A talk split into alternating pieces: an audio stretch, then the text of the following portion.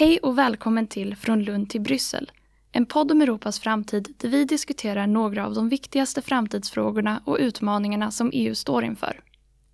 Vi som skapat poddserien arbetar vid Centrum för Europaforskning och LU Futura vid Lunds universitet och forskar och undervisar om den Europeiska unionen. Vår ambition är att låta forskare och experter bidra med kunskap och åsikter kring frågor som just nu också diskuteras inom ramen för den pågående konferensen om Europas framtid. Varje avsnitt bjuder vi därför in samtalsledare och deltagare som verkligen är experter på sina områden. Om du efter att ha lyssnat på det här avsnittet känner att du inte kan få nog av EU, Europa och framtidsfrågor kan du besöka vår forskarblogg europakommentaren.eu. Men innan du springer dit, här kommer dagens avsnitt.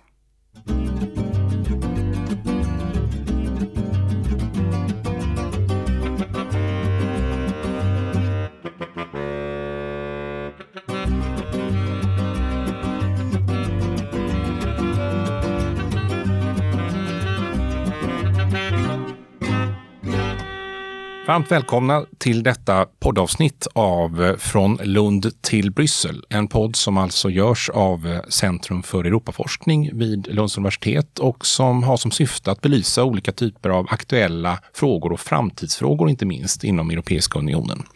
Och det vi ska ägna oss idag är något särskilt intressant, nämligen framväxten av ett europeiskt utbildningsområde. Och det här är ju verkligen en framtidsfråga. Utbildning kan ju ses som en form av framtidsinvestering. Samtidigt är det ett ämne som är relativt okänt i Sverige, skulle man kunna säga, alltså debatten om det på europeisk nivå. Och vi vill på något sätt bidra till att belysa och fördjupa det här samtalet.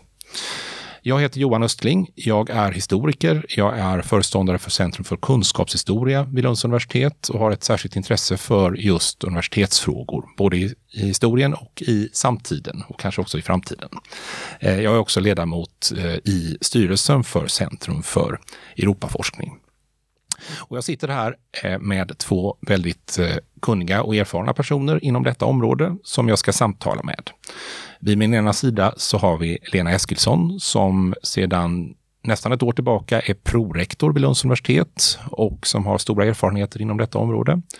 Och vid min andra sida så har vi Kristina Miolin som är projektledare vid sektionen för externa relationer vid Lunds universitet och som också har stora erfarenheter inom detta område.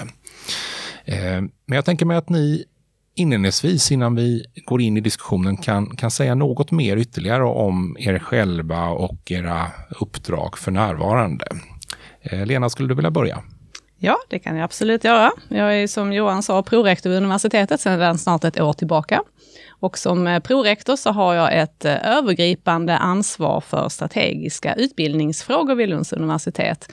Jag är bland annat ordförande i vår centrala utbildningsnämnd och jag har också ett ansvar på strategisk nivå för våra internationella nätverk, både på Europanivå men också internationellt, när det handlar om utbildningsfrågor framför allt.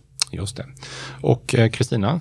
Ja, jag jobbar då på sektion externa relationer på den del som heter strategiska partnerskap och nätverk. Eh, och just nu så är jag då projektledare för det Europa-universitetsinitiativ som LU är med i. Jag är alltså projektledare vid LU för det initiativet som heter Juglo. Just det, och det ska vi återkomma till alldeles strax här. Men man kan inledningsvis bara slå fast att eh, EU-kommissionen uppfattar ju att utbildningsfrågor är väldigt centralt. I ett dokument från 2020, ett centralt dokument, så slås det fast att utbildning är avgörande för livskraften hos Europas samhällen och ekonomier. Och vidare så heter det då att utbildning är grunden för personlig utveckling, anställbarhet och ett aktivt och ansvarsfullt medborgarskap. Så det är alltså väldigt centrala frågor som vi ska diskutera här idag. Det kommer inte handla om forskning, det förtjänar kanske en egen podd, men det är utbildning som står i centrum. Innan vi går in på de här diskussionerna så ska vi dock eh, lyssna på en studentröst. Eh, någon som verkligen har färska och stora erfarenheter av utbildning på europeisk botten. Och det är Evelina Hagberg som är student vid Lunds universitet och som också är knuten till Centrum för Europaforskning, som under ett par år eh, pluggade i Nederländerna och som också då fick eh, intressanta europeiska erfarenheter. Så vi ska lyssna på henne nu. Jag pluggade tre år i Haag i Nederländerna där jag läste internationella relationer i statsvetenskaplig tradition. Nu tänkte jag berätta några saker som jag tog med mig från den upplevelsen utomlands. Det första som är värt att nämna är att jag valde att inte gå via EUs utbytesprogram Erasmus+, utan jag sökte min utbildning direkt via mitt holländska universitet och spenderade alla tre år av min kandidat där. Men trots det så var EU med mig hela vägen. Det var på grund av mitt EU-medborgarskap som jag inte behövde betala högre undervisningsavgift än mina holländska klasskompisar. Det var mitt EU-medborgarskap som gav mig rätt till planerad sjuk och tandvård i det nya landet. Och det var mitt EU-medborgarskap som gjorde att jag fick rösta inte bara i det holländska kommunalvalet utan också att jag fick välja om jag ville lägga min röst i Europaparlamentsvalet som holländare eller som svensk. Många i 18-årsåldern som håller på att bestämma sig för var de ska ta vägen efter studenten vet nog inte om de här rättigheterna som man får som EU-medborgare. Åtminstone jag kände mig oerhört osäker på vad jag hade för rättigheter. Men genom att plugga utomlands lärde jag mig otroligt mycket om vad EU-medlemskapet innebär på en individnivå. Ett annat stort plus med att plugga utomlands är att man lär sig mycket mer om sitt hemland. Jag fann att det fanns många otippade kontraster mellan Sverige och Nederländerna som jag inte hade vetat om om jag inte hade flyttat dit under en längre period. Det gällde allt från hur olika sjukvårdssystemen är, hur speciell Sveriges offentlighetsprincip är och för mig även hur låg EU-debatten är i Sverige. Alla de här erfarenheterna kommer från någon som kunde ha fått en lika bra utbildning i sitt hemland. Men för många av mina klasskompisar så gav EU-samarbetet en möjlighet till en högkvalitativ högre utbildning. Jag tänker särskilt på den relativt stora diasporan av ungerska och polska studenter i Nederländerna som såg studierna utomlands som en möjlighet till jobb och till slut kanske även medborgarskap. Den fria rörligheten är därför kanske speciellt viktig för ungdomar från dessa medlemsländer. Ja, det var en intressant inblick i en students liv eh, och eh, olika typer av erfarenheter man kan göra eh, som student. Men jag ska fortsätta här nu och som den historiker jag är så vill jag gärna teckna en liten bakgrund här innan vi kommer in på dagens situation. Och då kan man då inledningsvis konstatera att om vi ser på den europeiska integrationens historia så spelade utbildning, eller för den delen forskning, ingen framträdande roll under lång tid. Det är egentligen först på 1980-talet som det här börjar bli en central fråga, eller en viktigare fråga. Eh, då för att eh, delvis eh, fördjupa och skynda på den europeiska integrationen men också inkludera den uppväxande generationen. Och det enskilt mest kända och betydelsefulla elementet här var ju Erasmus-programmet som då inrättades 1987 och som förverkligades gradvis åren därefter. Och syftet var ju att främja studentutbyte och studentmobilitet. Och senare så tillkom ju Erasmus Mundus för samarbeten eh, utanför Europa och idag så finns då den här sedan några år tillbaka samlingsbeteckningen Erasmus Plus som inbegriper ett antal olika av EUs utbildningsprogram. Och en siffra som figurerar här är att 9 miljoner personer har varit med i de här olika samarbetena sedan eh, ungefär 1990. Och rent av så att man talar om en form av Erasmus-generation. Möjligtvis tillhör jag själv den som på 00-talet eh, läste i olika europeiska länder och som ja, fick kanske en viss syn på europeisk identitet och europeiskt samarbete. Samtidigt så måste man ju också notera att det är ungefär bara 5% av den totala studentpopulationen som, som det här utgör. Så att det, det är långt ifrån alla som ingår i den här erfarenheten. Men det är ett viktigt spår som leder fram till dagens situation. Ett annat viktigt spår är förstås Bologna-processen. Eh, Bologna-deklarationen som kom 1999 med målet att eh, man skulle skapa ett gemensamt europeiskt utbildningsrum, bland annat då med införande av ett eh, system för, av, med jämförbara examina, ett system med två, så småningom tre utbildningsnivåer, ett införande av ett gemensamt utbildnings, eller förlåt, poängsystem och överhuvudtaget för främjande och mobilitet. Det här utlöste ju rätt stora debatter i vissa länder, Tyskland till exempel, medan i Sverige, ja, här genomförde vi det mest kan man väl säga. Så det är så långt en, en bakgrundsteckning av det som har hänt sedan ja, cirka 1990 kan man säga och som bildar en viktig bakgrund till, till det vi har idag. Men ni har ju, eh, Kristina eh, och Lena, ni har ju på olika sätt arbetat eh, ganska konkret med de här frågorna under 2000-talet. Eh, kan du inte berätta, Kristina till exempel, skulle inte du kunna berätta lite om hur du har varit involverad i de här frågorna fram till idag och va, vad, vad som har upptagit dig? Mm. Det, eh, jag började egentligen kan man säga med runt 2005 och så var det 2006 så kom ju de första Erasmus Mundus-programmen, de här gemensamma utbildningsprogrammen. Och då var jag engagerad i, i ett av dem, ett av Lunds första um, som uh, fortfarande finns kvar, som heter MESPOM och ligger på Internationella miljöinstitutet. Så det var lite så jag halkade in på det här kan man säga. Och så fortsatte det med att jag överhuvudtaget jobbat mycket med gemensamma programfrågor. Det har varit liksom en, ett genomgående tema, fast på lite olika sätt genom åren. Så det började då med de här Erasmus Mundus. Sen hamnade jag på eh, på den gemensamma nivån, då, på sektionen externa relationer. Och då fortsatte jag jobba med Erasmus Mundus-programmen och stötta också de nya framväxande programmen. För det blev ett allt större intresse för programmen. Sen kom ju också det som då kallades för Erasmus Mundus. Ja, det fanns Erasmus Mundus Action 1 och så fanns det Erasmus Mundus Action 2. Som var ett slags utbytesprogram, eh, samarbetsprogram med lärosäten utanför Europa. Så då jobbade jag också med det, framförallt med Sydafrika och Nordafrika. Sen har jag också jobbat med själva Erasmus-programmet, alltså mobilitetsprogrammet som du säger, som jag har funnits i väldigt många år, i 35 snart. Um, jag vet att man till och med pratar om Erasmus-bebisar. Uh, så många som har träffat sina partner och uh, um, uh, liksom hittat nya, ny tillvaro i, i, nya länder i Europa och, och skaffat familj och så. Så Erasmus vanliga Erasmus-mobiliteter har också varit ett, ett tema. Men det har ju hela tiden varit så att EU har kommit med, de har kommit med nya program som vi alla har på något ett eller annat sätt jobbat med och jag har då varit en av dem. Men vi har ju också, mycket känner man ju igen. Eh, så det återkommer ju många, många saker. Man vill ju få det här liksom, eh, mobilitetssystemet att, eh, att bli lite effektivare. Har det blivit det tycker du? Då? Ja, men mycket har ju hänt. Ibland tycker man att saker går väldigt långsamt. Men när jag tittar tillbaka på när jag började jobba med det här så, så har det hänt jättemycket, absolut. Så det har skett en utveckling. Men, eh, men vi har ju mycket kvar att göra, helt klart. Um, nu de senaste åren så har jag ju framförallt då, eller de, de här två senaste åren så har jag då jobbat med det här nya initiativet eh, med Europa universitetsallianserna. Just det. Ja, vi återkommer till det alldeles strax. Ja. Uh, och Lena, hur har det sett ut för dig? Ja, om jag, kan, om jag går långt tillbaka i tiden som, som lärare och forskare så började jag tidigt arbeta med utbildningssamarbete med Estland faktiskt och Tartu University, eller framförallt Pärnu College som är en del av Tartu University, där jag tog med mig studenter i 13 år på exkursioner till Pärnu. Faktiskt väldigt spännande och vi var med och tog fram ett Erasmus-avtal där också eh, för lärarmobilitet då mellan eh, Lunds universitet och, och ehm, Pärnu College. Väldigt spännande.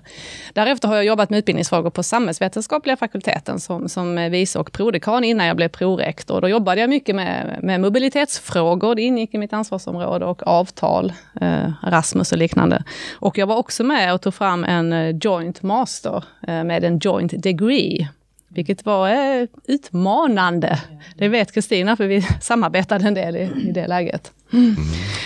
Det var inte alldeles enkelt kan jag säga. Vad var det som var de stora problemen då? Det var just att det skulle vara en joint degree.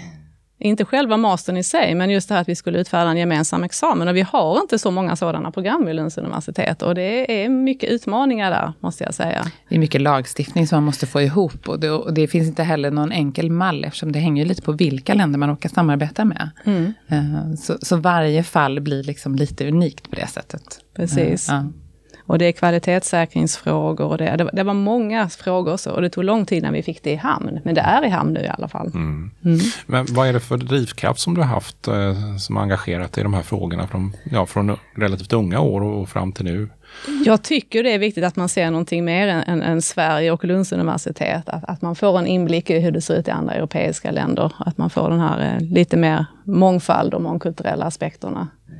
Så att jag tycker det är viktigt att jobba med internationaliseringsfrågor. Och du är ju också geograf. Jag är också geograf, absolut. Ja. Och det är därför jag tog med dem på exkursion också ja. till Estland. Fältarbete i ett annat land. Oerhört lärorikt för studenterna oerhört spännande. Det, det, är en liten del som jag saknar i mitt nuvarande uppdrag kan jag ja, säga. Mm. ja.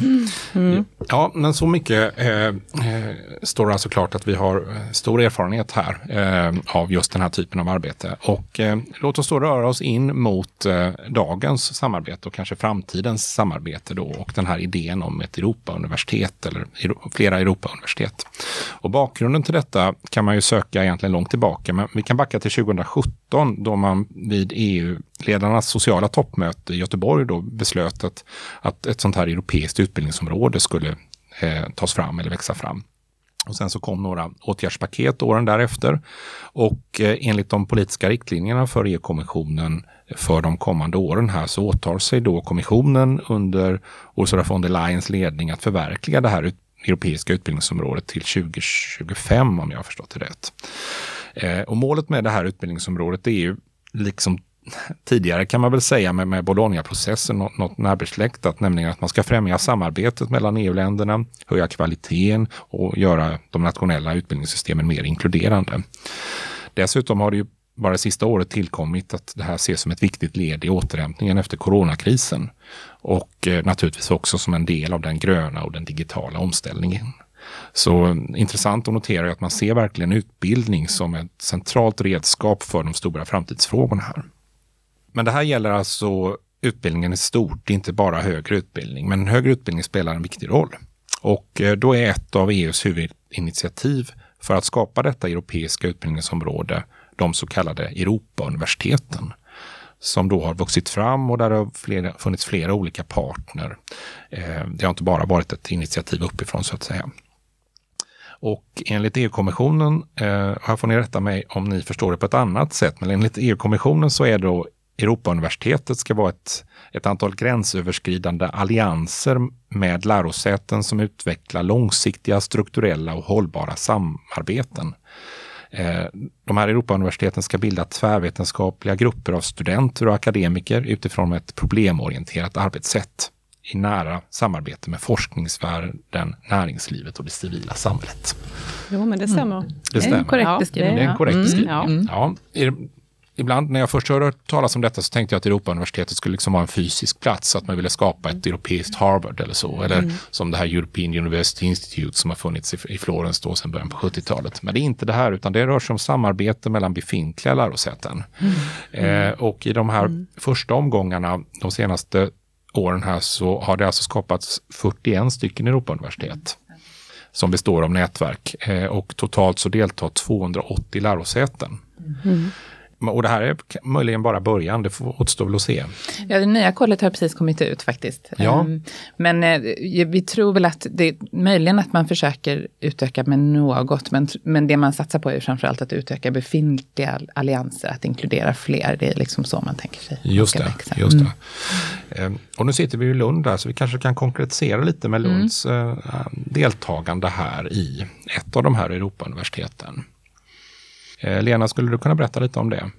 Mm. Vi är då med i ett eh, Europauniversitet som heter Uglow. Mm, och vi har varit inne på det här tidigare. Och vi har varit med här i två år, så det är vi med i första pilotomgången här tillsammans med fyra andra lärosäten i Europa. Och Juglo står alltså för European University Alliance for Global Health. Mm, Exakt. precis. Temat för samarbetet är Global Health, eller global hälsa. Och det ska tolkas brett. Så det här är någonting som ska vara för alla våra fakulteter och all vår verksamhet. Inte bara medicinska fakulteten, utan det här är, ska tolkas brett. Och det är som du var inne på, det här är alltså ett eh, tvärvetenskapligt eh, ämne, tvärvetenskapligt samarbete. Eh, Och de andra eh, partneruniversiteten som vi har med oss här, det är två andra Lero-universitet. Det är Paris-Saclay och det är LMU i München. Och sen är det Szeged i Ungern och sen är det Porto i Portugal. Just det. Och Leru kanske du kan förklara vad det är också?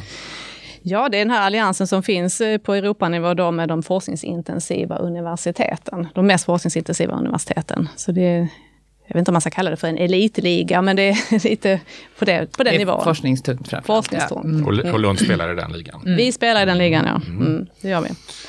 I Norden är det ihop med Köpenhamn och eh, Helsingfors som vi är med.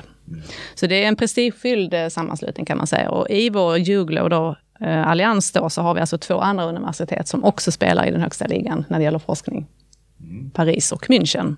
Just det. Och Kristina, du är också i högsta grad involverad i det här. Vad är det du gör i, i det här samarbetet? Ja, de flesta av mina dagar inbegriper Juglo på något sätt. Um, ja, jag är, varje universitet har en, en projektledare som så att säga sköter den dagliga rulliansen med mycket korrespondens och möten och um, e-post framförallt och så. Och eh, jag är då LUs projektledare och sen finns det då min motsvarighet på de andra lärosätena. Så att um, det är ju framförallt en, en administrativ roll att liksom stötta verksamheten och, och försöka se till att det verksamheten vill göra, det ska vi förhoppningsvis kunna hjälpas åt att genomföra. Men det är också så att det är en ansökan som är skriven med, eh, vi har lovat att vi ska göra en massa saker och så det är också en del i det, att vi ska se till att det blir utfört såklart. Och rent konkret, är det alltså utbildningsprogram som tas fram? Eller hur Ja, det är, ju, det är ju ganska det är det här som alltid är lite svårt med Europauniversiteten, för de är så, det är så stort och brett och omfattar så mycket, så det är ganska svårt och väldigt enkelt liksom säga vad det inbegriper. Men för det första är det viktigt att komma ihåg att det är under Erasmus-paraplyet, så det är ju ett utbildningsprojekt. Mm. Även om det då ska finnas en koppling till forskningen, så, så ligger det ju inte under liksom, Horisont 2020 eller den eh, delen. Och rent konkret så görs det, så det är mycket aktiviteter som anordnas. Eh, ibland i samarbete så att vi gör det tillsammans. Ibland är det något enskilt universitet som ordnar en aktivitet, men där man då erbjuder de andra studenterna eller personalen vid de andra lärosätena att delta. Och de här aktiviteterna är rätt de är väldigt olika. Vi har allt ifrån kurser som ges, som ger poäng till, och sommarskolor, till liksom kortare seminarieserier. Vi har en e-konferensserie till exempel, där studenterna själva bestämmer innehållet och, och, sätter ihop det och vi hjälper till så gott vi kan och så. Så det, det är verkligen väldigt olika saker som sker inom det här samarbetet. Och sen är det viktigt att komma ihåg att, att det, även om vi har lovat saker i en ansökan så är det ju ändå så att att det måste också bygga på att folk vill samarbeta. Så att saker har ju också poppat upp som kanske ligger lite utanför det vi från början hade tänkt. Men, men där det helt plötsligt uppstår ett intresse och då försöker vi ju hjälpas, hjälpa till liksom och se till att det går att genomföra. Men Kristina, tanken var att vi skulle ta fram tre joint programs ja. inom de här tre mm. första åren. Det, det var, var ett högt ambitiöst. ställt mål, det var mycket ambitiöst. Ja. Men vi har tagit fram ett i alla fall. Vi har tagit fram ett mm. och, eh, och vi har faktiskt haft en del också andra samarbeten mm. som mm. har försökt att komma igång. Och eh, vi har nog förhoppningar om att det kan bli något till innan, innan den här projektperioden är över. Och vi har också tagit fram en del gemensamma kurser och så. Så det har ju varit och sommarskolor och sådär. Så vad, vad, är det för program som finns nu då? Nu finns det ett som, som ligger under fysik men som har med våra anläggningar att göra. För det är ju en sak också kanske vi ska säga om Juglo att att en gemensam nämnare då är ju att flera av de här universiteten har stora forskningsanläggningar. Um, Precis och då är det Max 4 och ESS vi talar om ja. när det är anläggningar i Lund. Ja. Så att hur vi, hur vi kanske, ja, hur vi ska få in utbildningen där, alltså att vi ska liksom få dem att närma sig utbildningsdelen av universiteten. Det har vi som ett gemensamt mål tror jag, alla de här universiteten som är med. Så om man vill läsa fysik i Lund och kommer hit och är 20 år gammal, då kan man följa ett jordglospår eller? eller så det ja, man, kan, man kan söka till ett masterprogram som mm. heter La Scala. Eh, och då börjar man i Paris och sen kommer man eventuellt hit. Så som gemensamma program ofta fungerar så börjar man ofta på ett ställe och sen så kan man liksom välja lite inriktning och hamna en termin här eller en termin vid något annat partneruniversitet. Ja. Mm. ja, det här låter ju mycket spännande eh, och stora möjligheter men förmodligen lite hinder på vägen också. Vad är de stora utmaningarna hittills som ni ser det? Alltså den allra största utmaningen har ju varit pandemin såklart. Mm. För att det här samarbetet byggde egentligen på, på väldigt stor fysisk mobilitet att 50 procent av våra studenter vid lärosätena skulle ha en erfarenhet av, av en kurs eller ett, en aktivitet vid ett av de andra lärosätena. Inte sagt att allting skulle vara fysisk mobilitet, men en stor del av det skulle ju vara det. Sen har vi också virtuell mobilitet. Nu när pandemin kom fick vi snabbt ställa om, så nu har vi gjort väldigt mycket onlineaktiviteter och mycket fysisk eller eh, virtuell mobilitet istället. Men det har ju varit ett av de stora Ehm, ja, problemområdena kan man säga. Eller ska vi inte kalla det problem, utmaningarna. Fast det, och det som har varit svårt är ju såklart också att förutom att det här att inte studenterna har kunnat eh, träffas eh, eller rest och så, så har ju inte heller vi kunnat nej, det. Alltså, det är ganska svårt mm. när man sätter igång ett sånt här samarbete att ständigt sitta i, i liksom online-möten och prata om saker som är rätt så det är ju lite alltså utbildningsverksamhet i respektive land, det är rätt så komplicerat att förklara för, för någon som inte alls är insatt. Och det gör, det gör det definitivt inte lättare att sitta över datorn. Så jag håller med, pandemin har ju varit eh, Och sen har vi också haft en utmaning att förankra det här på Lunds universitet, ute i verksamheten och på fakulteterna och institutionerna. Det var ett projekt som initierades ganska snabbt eh, och där ansökan skrevs över en sommar och sen beviljades eh, det här pilotprojektet då. Eh, men det kom egentligen väldigt mycket top-down och inte bottom-up. Och sen att sen då få ut det här på universitetet och få fakulteterna, institutionerna, lärarna att ta fram nya kurser, nya spännande möjligheter. Och när vi dessutom har en pandemi över oss och mycket extra pengar från regeringen för andra typer av kurser, det har varit utmanande. Och studenterna, har ni kunnat få med dem på det här? Det tåget? har också varit ett problem faktiskt. Mm. Ehm, att studenterna har inte riktigt känt sig delaktiga i det här. Och det har säkert också varit eh, delvis på grund av att man faktiskt inte har kunnat träffas eh, och träffa de andra studentrepresentanterna. Det har varit svårt att rekrytera studenter som, som studentrepresentanter över olika organ i det här samarbetet. Mm. Det verkar ha lossnat nu. Nu äntligen har vi fått många studentrepresentanter som går in i de olika work packagen som ligger i det här, den här alliansen. För, för studentinflytande är någonting som, ja dels tycker, tycker vi att det är väldigt viktigt. Mm. Men det är också någonting som EU har tryckt på. Att, ja. att man vill att i projekten så ska det finnas studentinflytande. Mm. Och där har vi, ja det har varit en utmaning i sig. För vi har ganska olika syn på vad studentinflytande är. I de eh, olika... På de olika universiteten. Ja. ja. Kan du berätta lite om det? Nej men det är mer att, att ibland nöjer man sig kanske bara med att studenterna är representerade. Det är ju ingenting som vi är så van Vi vill ju att liksom det ska finnas ett reellt inflytande. Um, och där krockar backar väl synen lite. Jag, jag, ska inte säga att de är negativa till inflytandet, det är bara det att jag tror inte att de alltid tänker så. De, eh. de har ibland mer rollen som studentambassadör. Ja, Medan mm. våra studenter, de ska ju kritiskt granska mm. utbildningarna. Så det är lite olika roller som krockar där. Men jag tänker det, det är nyttigt för de andra lärosätena, så tänker vi, att lära sig ja. hur man kan jobba med studentinflytande mer demokratiskt på ett annat sätt. Mm. Men det är klart att ska, ska studenterna då kunna få ett reellt inflytande, som vi tänker att de ska kunna liksom få, då måste man ju också jobba på ett annat sätt inför möten och när man ska besluta saker. Det måste ju finnas liksom, man måste ju kunna förbereda studenterna och sådär. Man måste få en dagordning, man måste, man måste få handlingar innan så man hinner förankra på hemmaplan innan ja. man går dit och representerar. Då, så att... Ja, möteskulturen har krockat lite. Ja, ja. men, men jag tror också att med studenterna blir det då så, och det är väl liksom någonting som vi har försökt att trycka på, att vi kan inte om de inte bara ska vara ambassadörer och bara sitta, utan de ska verkligen kunna engagera sig i frågorna vi ska diskutera, så, så måste man ju verkligen lägga ner lite tid på att förbereda, för att de ska kunna hinna förbereda sig och så. Så där har vi haft lite bekymmer. Men det, det går ju liksom inte, det tar ju några år, det får man ju inse. Det, det går inte så fort som man... Nej, och vi har ju haft eh, den typen av studentinflytande sedan slutet på 60-talet, att det har vuxit ja. fram olika mm. typer av mm. organ och så. så att, eh, och då var ju en del av de här länderna inte ens demokratier som ni, Nej. Som ni samarbetade med. Nej. Eh, och hur ser det ut liksom? För att det är verkligen lärosäten från, från olika delar av, av Europa mm. med helt olika mm. förutsättningar och delvis liksom olika politiska system. Kan, finns det den typen av spänningar också som ni, som ni kan se när ni samarbetar eller går det bra att diskutera. Ändå. Jag skulle säga att samarbetet går bra ändå. Jag, jag tycker det fungerar från, eh, överlag. Men, men det är klart, vi har ju ett lärosäte med från, från Ungern i vårt samarbete.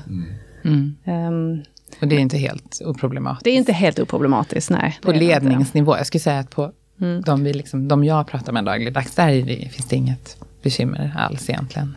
Nej, det fungerar bra på student och lärarnivå, mm. men på ledningsnivå är, är det utmanande. Det. Men det diskuteras förvånansvärt lite, tycker mm. jag, överlag i, i Bryssel och så, när man, när man för fram de här allianserna och, och eh, vill ha med alla länder i Europa i dem, att eh, det finns vissa utmaningar med detta också. Mm. Ja, det är ju ett större problem inom EU kan man ju notera. Ja, ja, precis, mm. det Men det diskuteras inte så mycket. Nej, det gör det inte. Nej. Men desto större anledning kan man ju tycka att eh, ett universitet som Lund då med starka traditioner och studentinflytande mm. mm. Deltar i den här typen av samarbeten. Mm.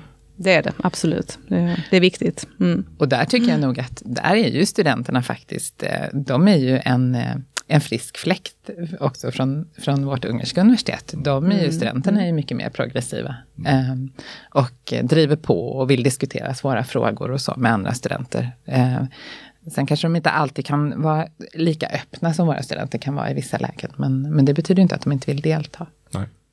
Nej, och det vet man ju att det finns ju olika syn på relationen till lärare och så också mm. i olika länder. Mm. Det är stor skillnad. Mm. och så vidare. Mm. Mm hierarkier är ju lite knepigt. Det, det är ju också, men vi pratade om möteskultur, men det, det, det kommer ju in där också, att vi har ju, mm. um, vi samarbetar ju med länder där hierarkierna är mycket starkare och uh, det, Ja, jag tycker ibland att det blir då lite ineffektivt. För att ibland måste saker gå liksom hela vägen upp till toppen och sen hela vägen ner igen. Och så har man liksom, det, tar ganska, det blir långa beslutsvägar i vissa fall. Medan vi är ganska vana vid väldigt ja, korta beslutsvägar. Det är lätt att liksom skriva till Lena i Teams att nu är det någonting här och så får jag ett svar och så. Så har ju inte mina kollegor det nödvändigtvis i de andra, på de andra lärosätena. Nej, vi jobbar ju väldigt nära och ja. väldigt integrerat här mm. vid Lunds universitet. Mm. Mm. Eh, i den här tanken om Europauniversitet så, så, finns det ju också skrivningar om att de ska bidra till att främja det som då allmänt kallas europeiska värderingar. Mm. Är det någonting ni förhåller er till och vilka praktiska uttryck tar, tar sig det?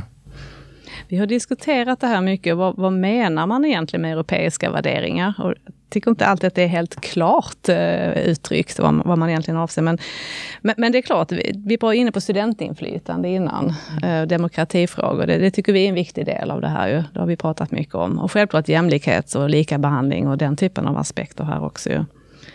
Um, men jag vet inte vad du säger Kristina, jag tycker inte det är helt... Nej, jag skulle säga att det är, nog, det är lite så, man tassar lite runt det. Mm. Det blir inte så konkret. Däremot återigen, studenterna är ju liksom på det. De har ju då en egen, haft en seminarieserie och då väljer de ju saker som, som de tycker är viktiga. Och det är till exempel inkludering av minoritetsgrupper. De ska ha ett seminarium om hbtq-frågor och så. Så att där, där liksom kommer ju vissa sådana här saker upp. Men jag skulle säga att under våra liksom mer gemensamma möten så, så pratar vi inte så mycket om det. Um, det, det nej, det tycker jag inte. Och det, det är ju lite känsligt också såklart. Uh, för vi, vi vet ju redan att vi inte är riktigt överens. Nej. Mm. Men Lena, får jag fråga, du är ju då prorektor och den näst eh, främste företrädaren för Lunds universitet. Och hur ser ni från universitetsledningen på den här typen av samarbeten? Vad, vad tycker ni att det kan bidra med när det gäller Lunds universitets utveckling? Eh, EU-kommissionens uppfattning har vi fått, men Lunds mm. universitets uppfattning mm. i frågan? Jag skulle egentligen vilja svara två saker på det här. Eh, eh, dels eh, så är det rent politiskt här då, strategiskt, att vi är med i ett Europauniversitet. Jag skulle säga att det är oerhört viktigt med tanke på det du var inne på innan, vad som händer inom EU i Bryssel och EUs nya utvecklingsagenda för högre utbildning. Det är oerhört väsentligt att vara med. Det är elva lärosäten i Sverige som är med i en Europaallians och jag har svårt att se att Lunds universitet skulle kunna stå utanför det här. För det läggs eh, även framåt här, liksom, ser man med kommissionen, hur, hur man tänker här. Det kommer satsas ännu mer på de här Europauniversiteten och man kopplar allt mer forskningsmedel till dem och eh, innovationspengar och liknande. Så det här är liksom maktfaktorer på sikt. Så att vi inte skulle vara med eh, och kunna vara med och påverka på något sätt, det, det, det ser jag som otänkbart. Så den här eh, politiska dimensionen kanske, strategisk politiska dimensionen, är, är en anledning till att vi är med vi kan inte stå utanför när det händer så mycket. Men den andra är ju att det, självklart är det också en möjlighet för universitetet att utveckla vår utbildning, utveckla vårt, våra internationella samarbeten. Det är en möjlighet både för studenter men också för personal och lärare, för det ligger ju som sagt mycket mobilitet i det här. Eh, också utveckla nya kurser, nya utveckling, utbildningssammanhang också onlinekurser, alltså sådana gemensamma kurser som man kan läsa på olika lärosäten fast man är hemma, så man får utökad internationalisering på hemmaplan, vilket också är viktigt. Allt är ju inte fysisk mobilitet.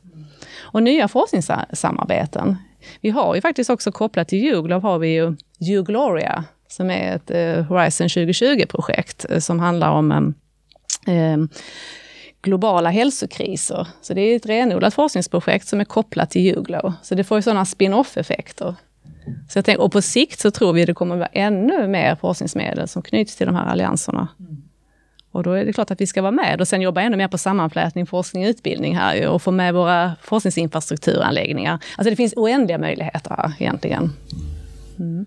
Jag vet inte om du vill komplettera Kristina? Men det... Nej, men jag tänker, om jag tänker på våra studenter, eh, Lunds universitetsstudenter, så, så finns det ju en stor möjlighet här att göra ganska mycket som kan bredda eh, den utbildning man går. I, I Sverige så av tradition så läser vi ju ganska mycket våra ämnen. Vi, vi läser inte så brett egentligen. Eh, är man liksom en eh, naturvetarstudent som läser biologi så läser man väldigt mycket biologi. och det, så, men här har man ju liksom möjligheten att vid sidan av och på sommaren och, och, och kanske lite på deltid eh, hitta andra kurser som kan bredda och komplettera sin eh, utbildning på ett bra sätt. Um, och man kan då, precis som Lena var inne på, få lite internationalisering på hemmaplan. Man, alla kan inte åka på utbyte och det här är liksom ett sätt att man kan hamna i en internationell miljö och internationell grupp. Och få träna sig lite i det som vi tränar oss i dagligen, det vill säga att, att sitta i möten med, med folk som inte har samma uppfattning som du själv och kommer från en annan kulturell kontext och så. Det är väldigt nyttigt. Vi har ju utvecklat mycket kortkurser, sådana här micro credentials eh, och workshops och liknande som är kanske en, två dagar. Och det är som Kristina säger, det är ett sätt för våra studenter att få någonting extra i sin utbildning som ligger ut, utöver det ordinarie liksom, utbildningsplan. Då. Mm. Och det kommer bli ännu viktigare i framtiden med det här. Mm. Mm. Ja, och apropå framtiden, det här pågår ju, mycket av det vi talar om pågår ju verkligen här och nu och ni berättar ju att ett nytt kol kommer här, nya möjligheter. Kan ni berätta lite om framtiden så som ni ser det och vilka konkreta möjligheter? Ska Lund ge sig i kast med något nytt projekt eller vad, vad händer? Vi ska fortsätta vårt projekt, så ett fördjupat projekt. Så vi fortsätter med Uglow, men vi tar in fyra nya partneruniversitet. Och det är för att kommissionen vill att man ska vara minst nio i de här Europaallianserna och vi är ju då bara fem. Så istället för att utöka antalet allianser eh, så vill man istället att de befintliga allianserna ska bli större. Så vi tar in fyra nya partneruniversitet nu från, i vår ansökan som vi precis har börjat skriva. Vi var i Paris förra måndagen, jag och Kristina, och påbörjade arbetet med den nya ansökan. Och då kommer det ingå nu då ehm, dels ehm, Tromsö i Norge, Novi Sad i Serbien, uh, Alcalá som ligger utanför Madrid i Spanien och Hamburg och den sistnämnda känns ju extra roligt för Lunds universitet eftersom det är ett av våra strategiska partneruniversitet, att vi kan fördjupa samarbetet med Hamburg, som dessutom ligger i vårt närområde. Mm. Ännu mer med nya infrastruktursatsningar. Definitivt. Så att det, det, åka tåg dit på ett par timmar. Precis. Mm. Mm. Så det känns, mm, väldigt, ja, det känns väldigt roligt mm. faktiskt. Eh, så då ska vi ta, alltså bredda, eller fördjupa kan man säga här, vårt samarbete då. Och då är det ju sex år som man nu ansöker om. Så vårt nuvarande samarbete, den här pilotomgången, tar ju slut om ett år ungefär. Och den här nya ansökan börjar sedan gälla från 2023 blir det då, och mm. sex år framåt. Och då har EU också lagt in ännu mer pengar i det. Så det är väl, och, och, som vi har varit inne på lite också, det är ju mycket av det förändringsarbete eller, eller det arbete vi har börjat på för att kunna samarbeta. Det tar ju ett tag innan det sätter sig. Så att det känns ju bra på sätt och vis. Alltså det känns ju skönt att vi nu ändå fortsätter. För vi, hade vi liksom avbrutit nu så hade ju mycket varit ogjort känns det som. Um, för att mycket av de diskussioner vi har haft kring, kring, ofta ganska, som man egentligen kan tycka saker vi borde ha löst. Jag tänker Rasmus har hållit på i 35 år. Vi har fortfarande lite bekymmer ibland med våra partner vad gäller tillgodoräknande och hur man skickar transcript of records. Alltså i, i vårt, i, i svensk kontext hade det varit ett LADOK-utdrag och så vi har liksom, vi har inte riktigt löst det där på europeisk nivå. De här Europauniversiteten är lite, på ett sätt lite roliga, för där kan man ändå liksom försöka lösa det i alla fall oss emellan. Och, så, um, och då sker det ändå en viss utveckling även på nationell nivå i respektive land som är med. Så att, uh, och vi har också, tycker jag, det är en, en intressant effekt av Europauniversiteten. Vi, vi tvingas ju också titta på våra egna system. Um, gör vi på bästa sätt? Eller vi kanske skulle kunna göra någonting lite annorlunda och så. Eh, och där samarbetar vi med de andra elva universiteten, eller de andra tio, vi är elva svenska universitet som är med i någon allians. Så vi samarbetar ju och, och tittar just på våra system och hur jobbar vi och hur, hur ska vi kunna underlätta för internationell mobilitet överhuvudtaget. Så det spiller ju över även, även på annat utanför Europauniversiteten, men som förhoppningsvis främjar internationalisering vid våra lärosäten. Just det.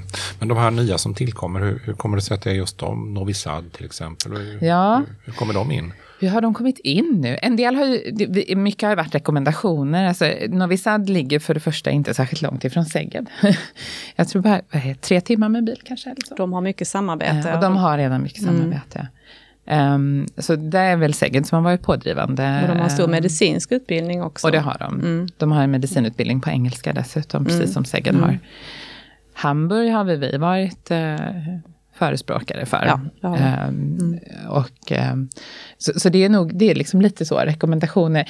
Och också, sen är det så att en del av de partner man kanske hade önskat, de är redan upptagna. Mm. Så man får eh, liksom eh, titta bland de som inte... Sen är det EU-logiken också, att det gärna mm. ska vara något i öst, något i norr, något i söder. Mm. Så, att, eh, så, är det ju. Vi mm. måste ha en geografisk spridning. Mm. Och ett par utanför EU då, ja, Tromsö och Novi Sad. Precis, mm. dessutom. Som ingår i Erasmus, ja, men ja. som inte är med i EU. Nej, precis. Mm. Men om man tänker sig lite kritiskt där, då, vad, vad det, det, målar ju upp stora möjligheter där, men problem eller utmaningar då för framtiden, vad, vad, vad finns det för någonting här? Eh, vi har ju upplevt det här med stängda gränser efter pandemin mm. och kanske protektionism och nationalism som kan komma. Det är också det här med eh, omställningen till engelska utbildningar som väl måste till på alla håll förmodar jag. Det är väl ändå engelskan som är ja. franka i de här sammanhangen. Mm. Det är ju definitivt en utmaning. Mm. Eh, och där kan man väl, ja men Lund har ju definitivt kommit längst där, om man nu tänker att kunna erbjuda saker på engelska. Um, där är ju inte våra europeiska vänner lika långt framme. Um, sen kan man ju såklart diskutera, jag menar, både tyskarna och fransmännen pratar ju gärna gott om att man ska liksom läsa på, på tyska och franska och så. Um, men det är ju inte riktigt realistiskt. Um, det är ju, vi har ju under ganska många år haft en ganska stor obalans med Erasmus överhuvudtaget. Där vi har otroligt stort intresse för att komma hit som Erasmus-student. Och vi har inte haft riktigt lika stort intresse från våra studenter att åka ut på Erasmusutbyte. Um, och mycket tror jag har varit språkbekymmer, alltså att man känner att man inte har kunnat fylla sin termin med engelskspråkiga kurser. Um, så där måste de tänka om lite tror jag. Um, när jag jobbade mer konkret med utbytesstudenterna så skulle jag säga att många Många kunde ju kanske till exempel franska, men liksom inte på en nivå att de ville läsa på franska. Men de ville gärna åka till Frankrike så att de kunde träna sin franska också när de ändå var i Frankrike. Men de ville helst läsa på engelska för de kände att de skulle inte klara av att läsa på universitetsnivå på, på franska.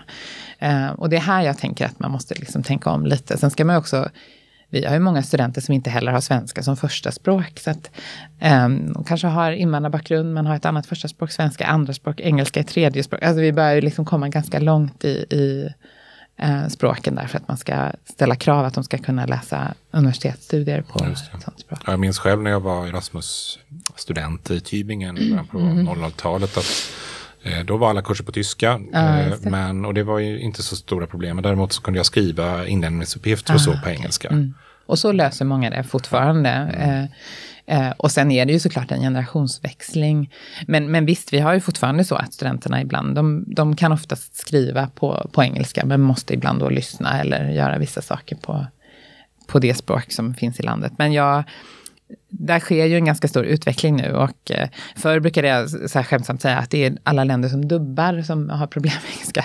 Men nu inser man ju att studenterna tittar ju liksom inte, unga människor tittar inte på tv på det sättet som vi, de, Youtube och de spelar och alltså de har en helt annan, så jag skulle säga att också studenterna från de här länderna är ju mycket bättre på engelska idag än vad de var för bara några år sedan faktiskt. Mm.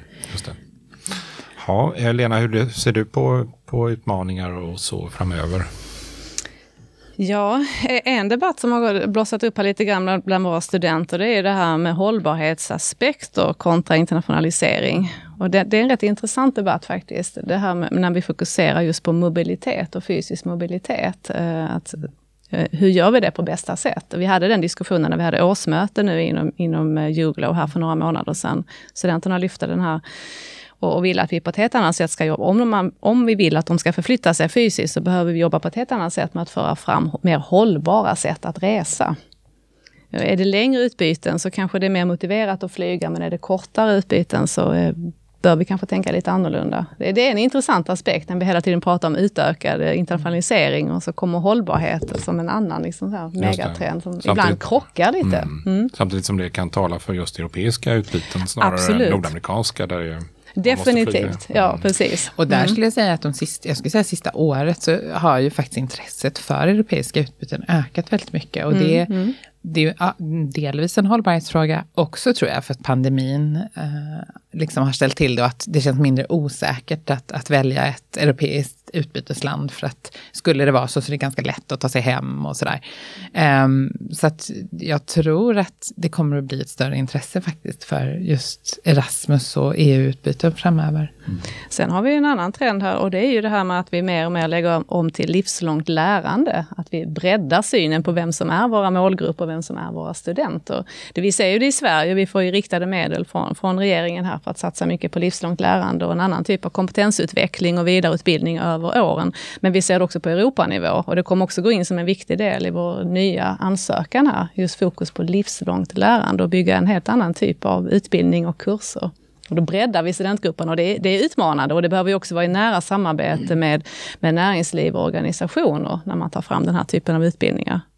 Det finns ju möjlighet också, vi kan lära oss mycket av våra europeiska universitetsvänner här ju. Vissa som har jobbat mycket med de här frågorna. Ja, jag skulle säga en del. Porto till exempel är väl mm. ett sånt lärosäte som har varit väldigt uh, bra på det. Liksom. Mm. Och det, det, är också en anledning att vara med i en sån här typ av samarbete, att man har ju faktiskt en del att lära av varandra. Ja. Um, men, ja, men sen, så, sen tycker jag, du pratar om stängda gränser och protektionism och nationalism. Det, det, är, ju ett, det är ju ett reellt problem såklart. Um, och än så länge så, så tycker inte jag man, man känner liksom inte av det med studenterna och den personal som man liksom samarbetar med. Men skulle man liksom börja pressa fram mer kring europeiska värderingar, eller att, ja, eh, det har inte riktigt ställts på sin spets, men, men vi skulle kunna hamna i ett läge när det ställs på sin spets, och då vet jag inte riktigt. Det blir intressant att se vad, vart det tar vägen. Ehm. Jag skulle också vilja lägga på den här politiska dimensionen igen, för vad vi ser från EU här och kommissionen, det, det är ju att, att, man lägger, att man försöker sammanfläta det europeiska utbildningsområdet och det europeiska forskningsområdet. Och att man lägger ansvaret för det här under samma kommissionär. Och att man vill bygga en helt annan typ av allianser i framtiden, eh, som inbegriper även både utbildning, forskning och innovation. Och, då är det inte, och så lägger man mycket pengar i potten här. Och då är det både pengar, det är både ekonomiskt, men det är faktiskt också liksom policyutformning här som vi pratar om. Att man på det sättet vill påverka länderna att förändra sina system och lagstiftning och annat. Mm. Det, det, är också någonting man bör ha i bakhuvudet. Det händer mycket och det händer snabbt. Mm. Ja, mm. mycket intressant. Eh, det är många frågor här som sammanstrålar när man tar upp de här utbildningsfrågorna till diskussion. Så att det, det har varit väldigt lärorikt och intressant att, att lyssna på era insikter och erfarenheter här. Eh, men med det så, så tackar vi Lena Eskilsson och Kristina Miolin för eh, det här samtalet. Och det här är alltså en podd från Centrum för Europaforskning från Lund till Bryssel. En stor framtidsfråga har vi belyst här och det finns mer att göra framöver. Tack så mycket. Tack. Tack.